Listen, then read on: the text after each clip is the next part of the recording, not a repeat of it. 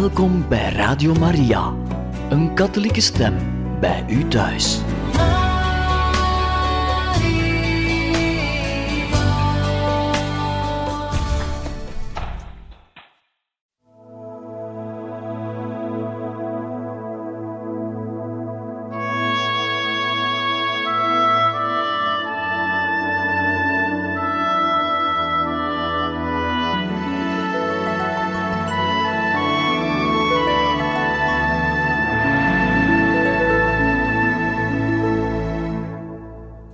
Beste luisteraars van Radio Maria, hartelijk welkom in dit programma Heilige Getuigen, waar wij verder gaan met de lezing van het leven van kardinaal Mincenti, geschreven door Jozef Keuzi Horvat. We zijn ondertussen gekomen bij het onderwerp de bekentenis onder de knoet. Kardinaal Mincenti is dus ondertussen gevangen genomen en komt nu aan in het huis waar hij zal worden mishandeld. We gaan hiermee verder. Toen de primaat in de nacht van 26 december 1948 de drempel van het beruchte huis in de Andrassistraat overschreed, was het hem duidelijk wat hem in dit gebouw te wachten stond. Al een maand tevoren, toen hij hoorde dat de Bolsjevistische partij zijn secretaris de 35-jarige Andras Zakar, een gezond en wilskrachtig man, veranderd had in een menselijk wrak, dacht hij de hele nacht na over het lot dat hem wachtte. De secretaris was in de achtervolgingsjacht maar een nevenfiguur, zei hij tegen zichzelf. Ik ben degene die tot voornaamste aangeklaagde is verkozen, en indien de kwellingen van twintig of dertig dagen niet genoeg zouden zijn, dan zullen ze naar hartelust mijn vermoeide lichaam, nachtenlang onder verhoren gefolterd, verder onteren. Maar er is geen rustpoos. Men mag niet stil blijven staan. Men moet verder. De 39 dagen van zijn leven verlopen tussen de avond van 26 december en 3 februari 1949 zijn 25 jaar lang in duisternis gehuld gebleven. Men wist alleen dat in de nacht van 26 december een lichamelijk gezonde, geestelijk heldere en met bijzondere wilskracht gezegende man werd afgeleverd in het gebouw van de Andrassistraat 60 en dat op 3 februari 1949 een lichamelijk gebroken, verstandelijk afgetakelde, willoze marionet dit huis verliet.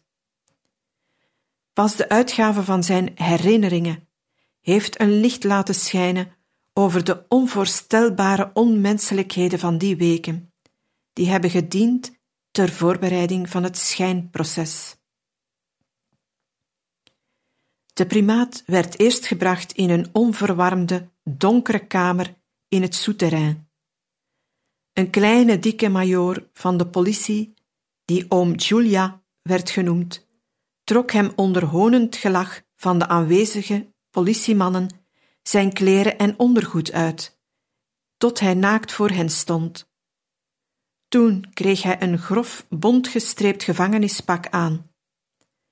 Met onverholen leedvermaak riep de majoor hem toe: Jij hond, lang genoeg hebben wij op dit feestuur gewacht.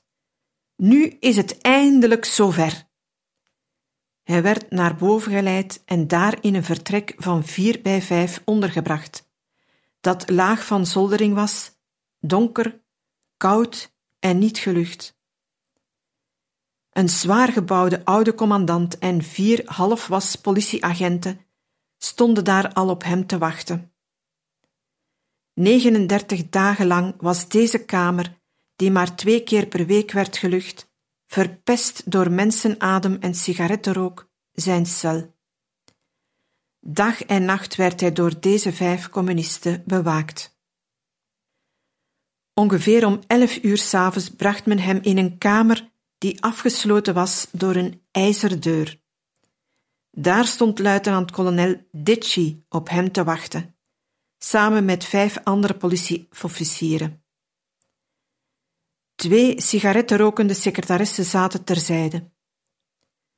Toen de primaat in zijn grove kledij en met de zware gevangenisschoenen aan de voeten binnenkwam, hadden ze allemaal pret. Nadat de persoonsgegevens waren geregistreerd, noemde de luitenant-kolonel de tegen de primaat gerichte beschuldigingen op. Vincenti bestreed ze allemaal. Toen men hem het protocol ter ondertekening voorlegde, zag hij dat alles wat hij had gezegd zo was opgeschreven dat al zijn woorden waren verdraaid. Hij weigerde te tekenen. Daarop klonk uit de mond van de luitenant-kolonel de dreiging die hij in de loop van de komende vijf weken nog dikwijls horen zou. Let u er goed op. Hier wordt door de beklaagde een bekentenis afgelegd zoals wij die wensen. Hij maakte een gebaar dat moest betekenen: leer hem zijn schuld te bekennen. Onder leiding van de majoor werd hij in zijn kamer teruggebracht, waar hem de gevangeniskleren van het lijf getrokken werden en hij naakt midden in de kamer werd neergezet. Daarop werd hij alleen gelaten. Later kwam er een grote potige politieofficier bij hem. Ik ben partizaan geweest, zei hij bij het binnenkomen. Met deze woorden liep hij op de gevangene toe en gaf hem uit volle kracht een schop met zijn laars. Ze vielen allebei tegen de muur aan. Dit is het gelukkigste moment van mijn leven, zei de partizaan. Hij lachte als een duivel. De majoor kwam terug en stuurde hem weg. De majoor ging door de gevangene voor te bereiden op het afleggen van een bekentenis. Hij haalde een gummiknuppel voor de dag, drukte de primaat, die nog duizelig was van de val, op de grond en begon hem af te ranselen van de voetzolen tot aan de kruin. Bij het kreunen van zijn slachtoffer stonden mannelijke en vrouwelijke bulsknechten die voor de deur samentroepten honen te lachen. De kardinaal kon zich niet herinneren hoe lang deze eerste tuchtiging met de gummiknuppel had geduurd. Hij kwam pas weer tot bewustzijn toen ze hem met koud water besproeide en opnieuw wegbrachten voor het verhoor. Opnieuw weigerde hij het protocol te ondertekenen. Opnieuw was het antwoord slaag. Desondanks liet hij zich ook bij de derde keer nergens toedwingen. Ondertussen begon het al morgen te worden. De diensttijd van degene die het verhoor afnamen was afgelopen. De beklaagde werd teruggebracht in zijn koude, kwalijk riekende cel. Uitgeput liet hij zich op de divan vallen. Zijn hele lichaam brandde van pijn, maar toch voelde hij iets dat op vreugde leek. Het was hun tenminste in de eerste nacht niet gelukt mij ertoe te brengen mijn handtekening te zetten onder het door hen vervalste protocol. Op de huiveringwekkende eerste nacht volgde de bittere eerste dag in het huis aan de Andrassiestraat 60.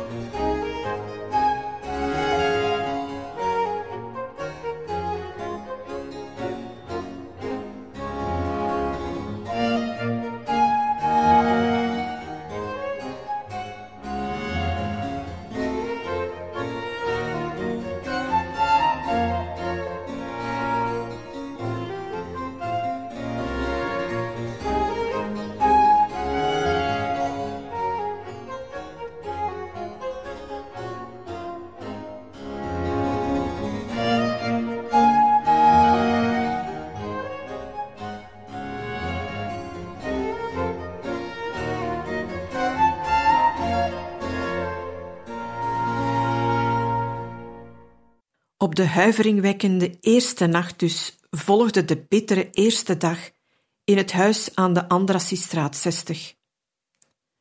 Om acht uur bracht men hem waswater. Maar eerst werd dat gebruikt door de leden van de wacht. Nadat ook de kardinaal zich had gewassen, moest hij het vuile water wegbrengen. De commandant en de troep opgeschoten kerels riepen hem honende woorden na, toen hij met het vuile waswater uit de cel liep. Van het ontbijt dat hem werd voorgezet, nam hij alleen een beetje te drinken om zijn uitgedroogde en gesprongen lippen te bevochtigen. Hij was graag gaan slapen, omdat hij totaal uitgeput was. Ondanks het lawaai en de obscene taal die zijn bewakers uitsloegen, zou hij wel zijn ingeslapen als de commandant hem niet telkens weer rugweg had wakker geschreeuwd. De bewakers hadden namelijk streng bevel gekregen hem niet te laten slapen. Ook van het middageten gebruikte de kardinaal bijna niets. Hij had namelijk gehoord dat de politieke politie, in navolging van het Sovjet-Russisch voorbeeld, chemische middelen in het voedsel mengde, waardoor de beklaagden verlamd werden in hun wil en de controle verloren over hetgeen zij zeggen en zwijgen moesten. Deze achterdocht werd nog versterkt doordat er na de maaltijd een medisch onderzoek volgde.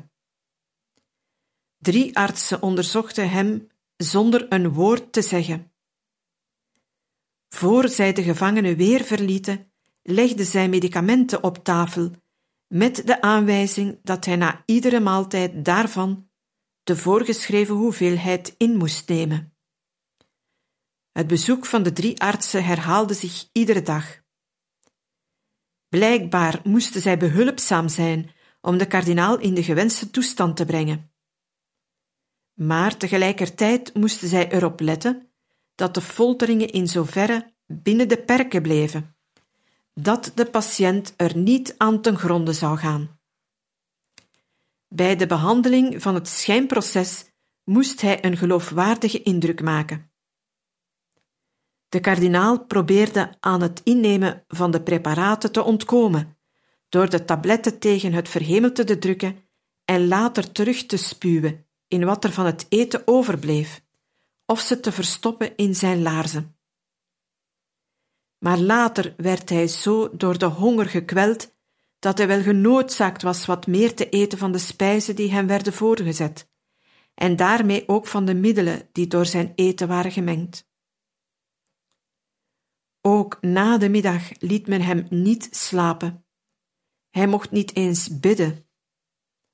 Als de wacht merkte aan de bewegingen van zijn vingers dat hij was begonnen de rozenkrans te bidden, begon de oude kamercommandant hardop over obscene en onkiese onderwerpen te praten. Om zes uur werden hem een paar worstjes gebracht met een mengsel van kruiden. Volgens de bewakers was het niet toegestaan daarvan maar weinig te eten. Na het eten verschenen opnieuw de drie artsen om hem grondig te onderzoeken.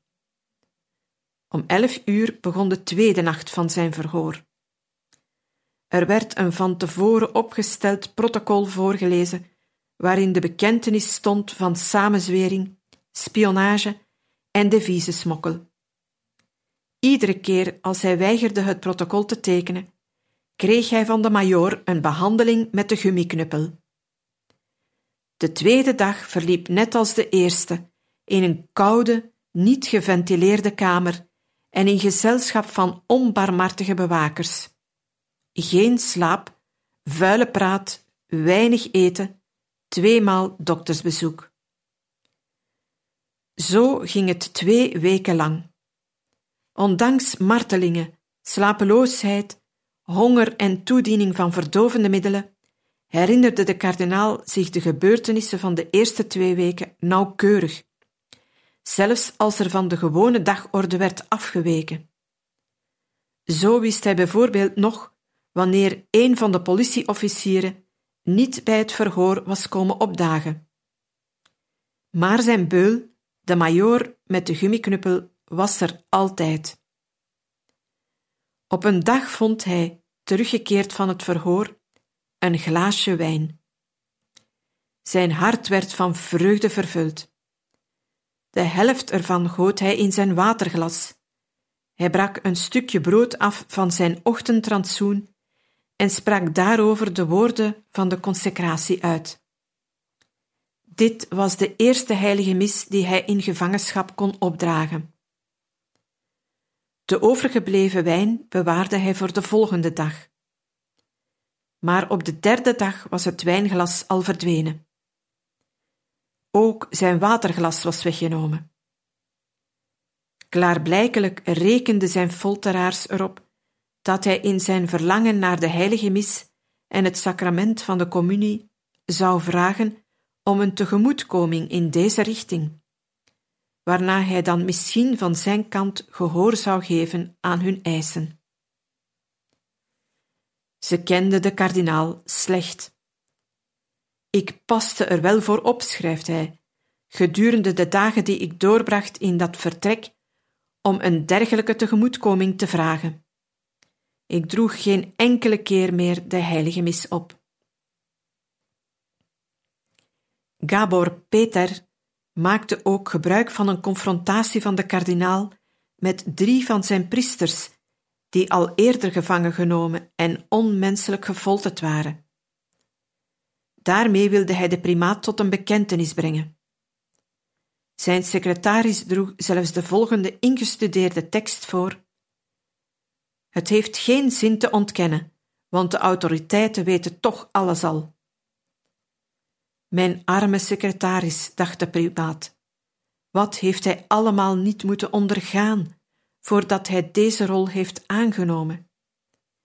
Ik wist dat zijn woorden met de gummiknuppel waren afgedwongen. Vincenti was ook na deze confrontatie niet bereid een bekentenis af te leggen en het vervalste protocol te ondertekenen. Deze vertraging was voor Gabor Peter en luitenant-kolonel Dicci vooral daarom zo pijnlijk en onaangenaam, omdat hun chef, de minister van Binnenlandse Zaken Janos Kadar, al op de derde dag na de arrestatie van de kardinaal aan de pers had meegedeeld dat Mincenti was gebroken onder de last der bewijzen en dat hij de misdaden van samenzwering, spionage en devizesmokkel had bekend. Een wonder van wilsterkte wordt tot een robot. Er was één punt waarover vriend en vijand het eens waren. Joseph Mincenti bezat een buitengewoon sterke wil. Dankzij deze bijzondere kracht volgde hij een leefregel van ascetische discipline. En eveneens op grond hiervan slaagde hij erin, als pastoor, als opperherder en als primaat, zijn eigen mening, zijn ideeën en zelfs zijn enorm werktempo aanvaardbaar te doen zijn voor zijn medewerkers, priesters en collega-bisschoppen. De politiemannen in Budapest waren leerlingen van de politieke partij in Moskou, die doorging voor de meest bekwame als het erop aankwam mensen lichamelijk en geestelijk te kwellen. Aan hen komt de bedenkelijke eer toe, deze man, die als een wonder van wilskracht bekend stond, in een behandeling van twee weken gemaakt te hebben tot een handelbare, goed functionerende robot. Even nauwkeurig en gedetailleerd als de kardinaal weet te berichten over de gebeurtenissen van de eerste veertien dagen en nachten in het huis Andrassistraat 60, even onduidelijk en verward zijn de herinneringen aan de daaropvolgende drie weken. Twee weken slaag, twee weken zonder slaap, twee weken honger om zich te verweren tegen het binnenkrijgen van drugs, tweemaal daags geheimzinnige medische onderzoeken, overdag de vuile praat en de gemene opmerkingen van de bewakers, s'nachts het geestelijk duel met degene die het verhoor afnamen, geen contact met een verdediger en de volslagen afzondering van de buitenwereld hadden zijn lichaam en ziel gebroken en hem gemaakt tot de trieste speelbal van zijn folteraars. Hij herinnert zich alleen maar dat zijn weerstand van uur tot uur verslapte, dat hij van dag op dag dieper wegzakte in de apathie en zich plooide naar wat niet te veranderen was. Dat hij steeds angstiger en onzekerder werd. Zijn zelfbewustheid en gevoel van eigenwaarde verdwenen. Ook in die periode nog werd hij geslagen als hij halstarrig bleef tijdens het verhoor. Maar hij houdt het voor mogelijk dat in die periode de artsen hem al grotere hoeveelheid verdovende medicijnen ingaven, die verlammend werkten op de wil. De ene dag volgde op de andere en hij werd steeds vermoeider, stiller, volgzamer. Gedurende de nachtelijke verhoren, schrijft hij, kon ik niet meer zelfzeker argumenteren. Ik wees ook grove leugens en verdraaiingen niet meer van de hand. Ja, af en toe berustte ik zelfs met de woorden: Het is overbodig hier nog iets te zeggen. Het zal wel zo zijn als de anderen beweren. Zulke antwoorden gaf ik meestal als zij stukken voorlazen uit de protocollen van de verhoren van zogezegde medeschuldigen en zogezegde getuigen. Ik zette mijn handtekening onder teksten waarvan ik aannam dat zij veranderd waren, overeenkomstig mijn wensen, zonder te weten dat deze protocollen af en toe in diverse varianten werden opgesteld en dat de door mij ondertekende stukken vaak andere data en andere feiten betroffen dan de stukken die mij waren voorgelezen. Het was mij ook niet mogelijk de teksten nog een keer door te lezen eer ik mijn handtekening eronder zette en dikwijls bekommerde ik mij er niet om, beu als ik dat alles was, of wat er geschreven stond wel nauwkeurig overeenkwam met wat ik gesteld en verklaard had. Blijkbaar was ik op de een of andere manier al een ander mens geworden. Maar hij kan zich absoluut niet meer herinneren dat hij ooit ook maar één enkele van de eigenhandig geschreven bekentenissen die als de beslissende bewijsstukken een hoofdrol speelden in het proces, echt zelf geschreven zou hebben. In mijn herinneringen wijst niets op het tot stand komen van een dergelijk handgeschreven bekentenis. Midden januari 1949, in de derde week van het vooronderzoek, maakten de communisten deze eigenhandig geschreven bekentenissen in triomf openbaar Daaruit ontstond de mening dat de kinderlijke zogenaamde bekentenissen, die wemelden van simpele spellingfouten, in een toestand van verminderde toerekeningsvatbaarheid geschreven moesten zijn. Helderheid hierover bracht de publicatie van een serie artikelen van de hand van het echtpaar Sulner in de juli-nummers van de New York Herald Tribune. Laszlo Sulner en zijn vrouw Hanna Fischoff waren op 6 februari 1949 naar het westen gevlucht. Tot dat tijdstip hadden zij de leiding gehad van een bureau en laboratorium voor handschriftkunde in de Hongaarse hoofdstad. De vader van de vrouw had een apparaat geconstrueerd dat het mogelijk maakte letters, delen van woorden en zinnen uit een manuscript te lichten en deze dan op een andere plaats weer in te voegen, zodat er een nieuw manuscript kon ontstaan. De politie had het echtpaar gedwongen, met behulp van dit apparaat en door gebruik te maken van de in beslag genomen manuscripten van de kardinaal, de eigenhandig geschreven bekentenissen en de authentieke ondertekeningen samen te stellen. De schrijffouten waren ingeslopen doordat de politie deze documenten met grote spoed nodig had en de betreffende politiefunctionaris wel wist om te gaan met het apparaat, maar niet met de Hongaarse spellingregels, en zo zelf een paar stukken in elkaar had gezet. Het echtpaar Sulner vertelde ook dat zij door de politie waren gedwongen op akten die met de schrijfmachine waren geschreven, vervalste met de handgeschreven handtekeningen en opmerkingen in de kantlijn van de kardinaal aan te brengen. Daarmee wilde men de openbare mening wijsmaken dat de kardinaal deze documenten had gezien, ze van zijn handtekening had voorzien en ze, daar er zaken over samenzwering en spionage in stonden, extra zorgvuldig had opgeborgen. De kardinaal kan zich maar van drie brieven herinneren dat hij er iets mee te maken heeft gehad. De voorgeschiedenis van de eerste brief, die geadresseerd was aan de gezant van de Verenigde Staten, is de volgende. Een eerste luitenant, aan de gevangene bekend door de verhoren, kwam op zekere dag zijn cel binnen.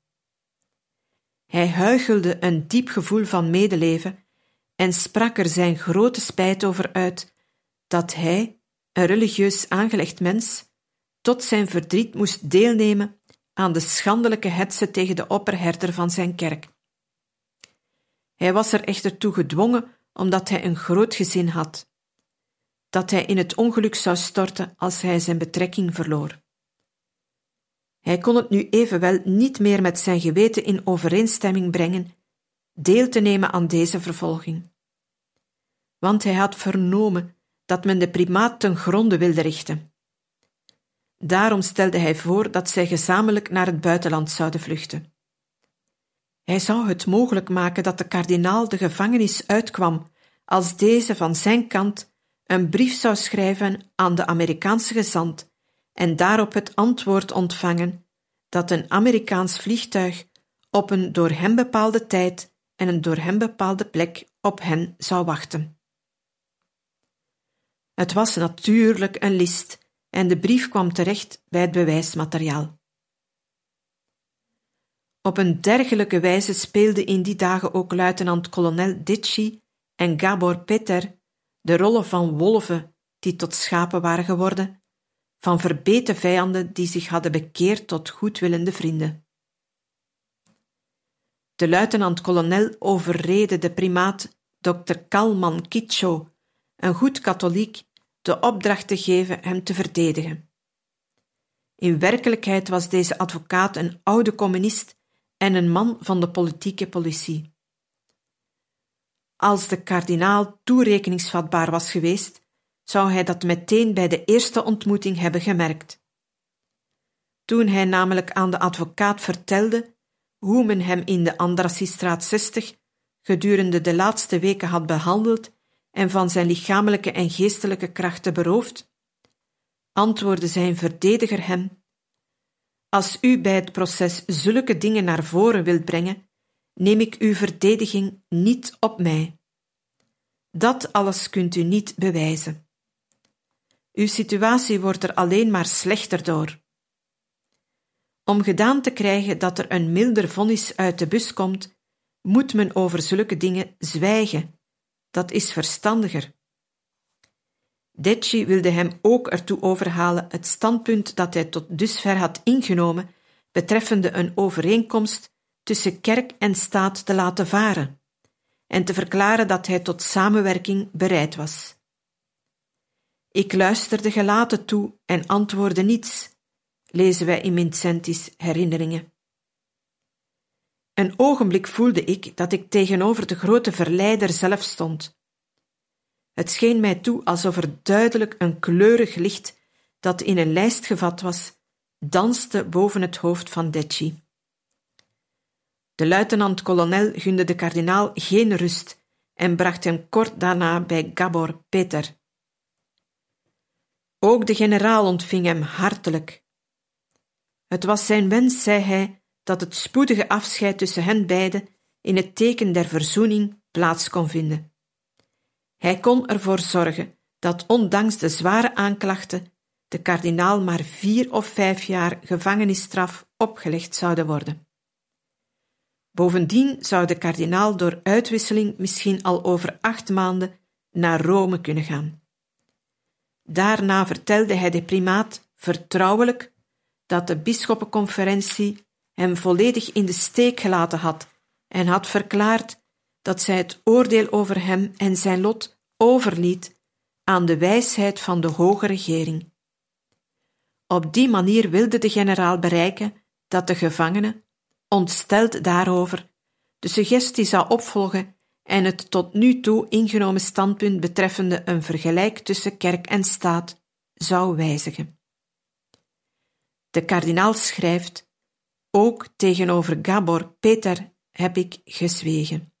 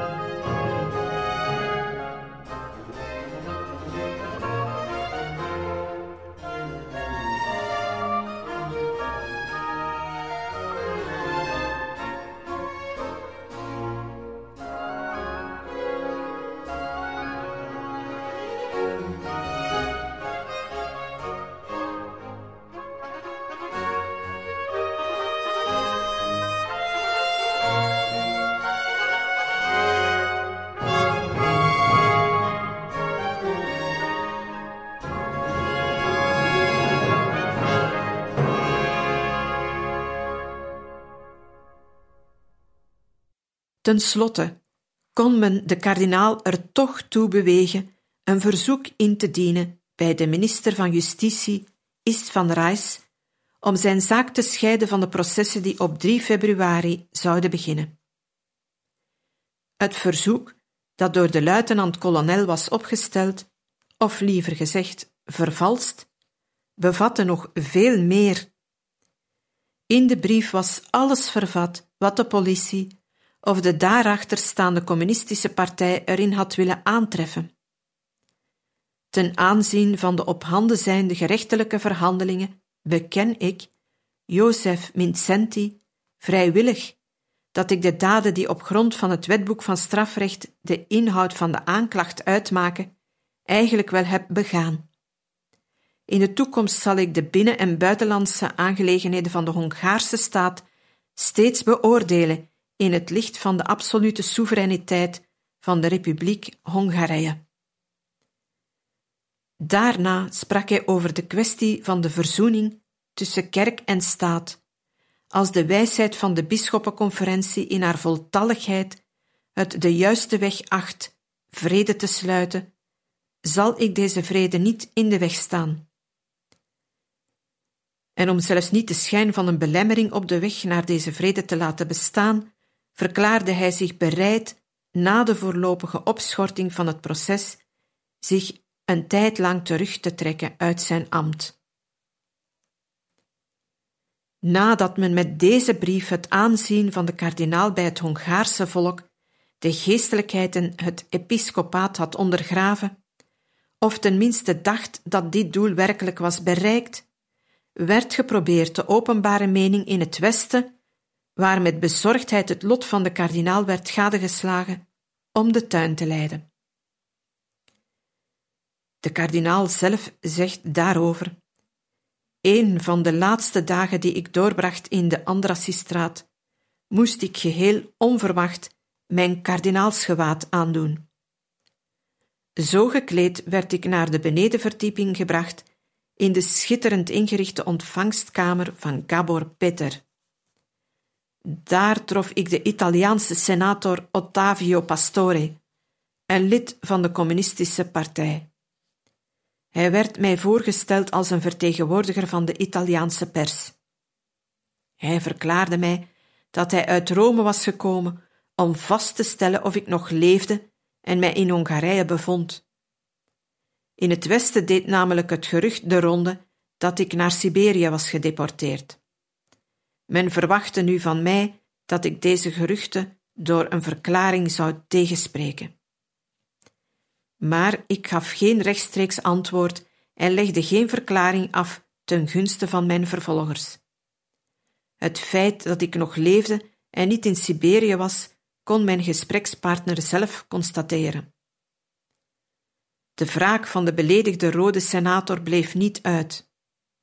In zijn bericht uit Budapest beriep hij zich op zijn ontmoeting met de kardinaal en beweerde geen tekenen gevonden te hebben die de conclusie zouden wettigen dat er sprake was geweest van fysieke of psychische martelingen. De primaat van Hongarije is geen held. Vincenti wordt door zijn eigen volk afgewezen. De katholieke gelovigen zelf wijzen hem af. Er blijft voor hem niets anders over dan af te treden en zijn mislukking te erkennen. Na deze toneelopvoering was de gevangene direct weer teruggebracht in zijn cel. De toog was hem van het lijf gerukt, maar hij kreeg niet opnieuw het grove gevangenenpak aan. De welwillende politie in de Andrassiestraat 60 schonk hem een op maat gemaakt zwart kostuum dat hij moest dragen tijdens het proces. Drie dagen circus voor het gerecht. Op de late avond van 2 februari 1949 werd de primaat met een grote autokolonne en gewapend geleide naar de gevangenis van het Openbaar Ministerie in de Marcostraat overgebracht. Hij werd daar in een akelig ruikende cel gezet die aan de binnenplaats lag. Moe liet hij zich op de muffe stroozak vallen, trok de versleten dunne deken over zich heen, maar kon niet in slaap komen. In de vroege morgen werd hij gewekt. Hij moest zichzelf zorgvuldig wassen. Daarna werd hij mooi glad geschoren om de sporen van de folteringen en slapeloze nachten uit te wissen. Hij kreeg zijn nieuw zwart kostuum aan en de bisschopsring aan de vinger. Toen het uur daar was, werden alle samenzweerders in de gang opgesteld. Pas nu bemerkte de primaat dat buiten hemzelf zijn secretaris Zakar, professor Baranjai, een trappistenmonnik in kerkrecht gespecialiseerd, en prins Paul Esterhazy, nog twee andere priesters en iemand uit de burgerlijke wereld op de beklaagde bank zouden zitten. De prins had men gevangen genomen om met zijn optreden waarschijnlijker te maken dat de primaat pogingen in het werk had gesteld om het oude regime in zijn macht te herstellen. De drie anderen waren als figuranten uitgezocht om de omvang van de samenzwering groter te doen schijnen. Ze moesten in ganzenmars de rechtszaal binnengaan en wel om de beurt een beklaagde en een politieman. De eerste plaats werd vanzelfsprekend toegewezen aan de voornaamste beklaagde, de primaat. Voor hem liep zijn beulsknecht, de majoor, die om Giula werd genoemd. Met tevredenheid bezag hij zijn slachtoffer. Misschien had hij zelf wel de voornaamste rol gespeeld in diens voorbereiding voor het schijnproces. Toneel van de voornaamste zitting was de kleine rechtszaal van de Volksrechtbank van Budapest. Toen de samenzweerders plaatsnamen op de beklaagde bank, fluisterde de primaat de professor toe in het Latijn: Het circus begint. Het was onmogelijk geweest korter en juister te karakteriseren wat er gedurende het slechts drie dagen durende Vincenti-proces gebeurde, of juist niet gebeurde. Niet alleen de beklaagden, ook de voorzitter de openbare aanklager en de verdediger speelden daarin rollen die hun van tevoren waren ingehamerd. De politieke politie, respectievelijk haar opdrachtgever, kon tevreden zijn met het resultaat. Alles verliep zo glad en gesmeerd als nu eenmaal in het Stalin- en Rakosi-tijdsperk een goed voorbereid en met kennis van zaken ten tonele gebracht drama moest verlopen. De kardinaal vatte zijn mening over dit gerechtelijk toneelstuk als volgt samen.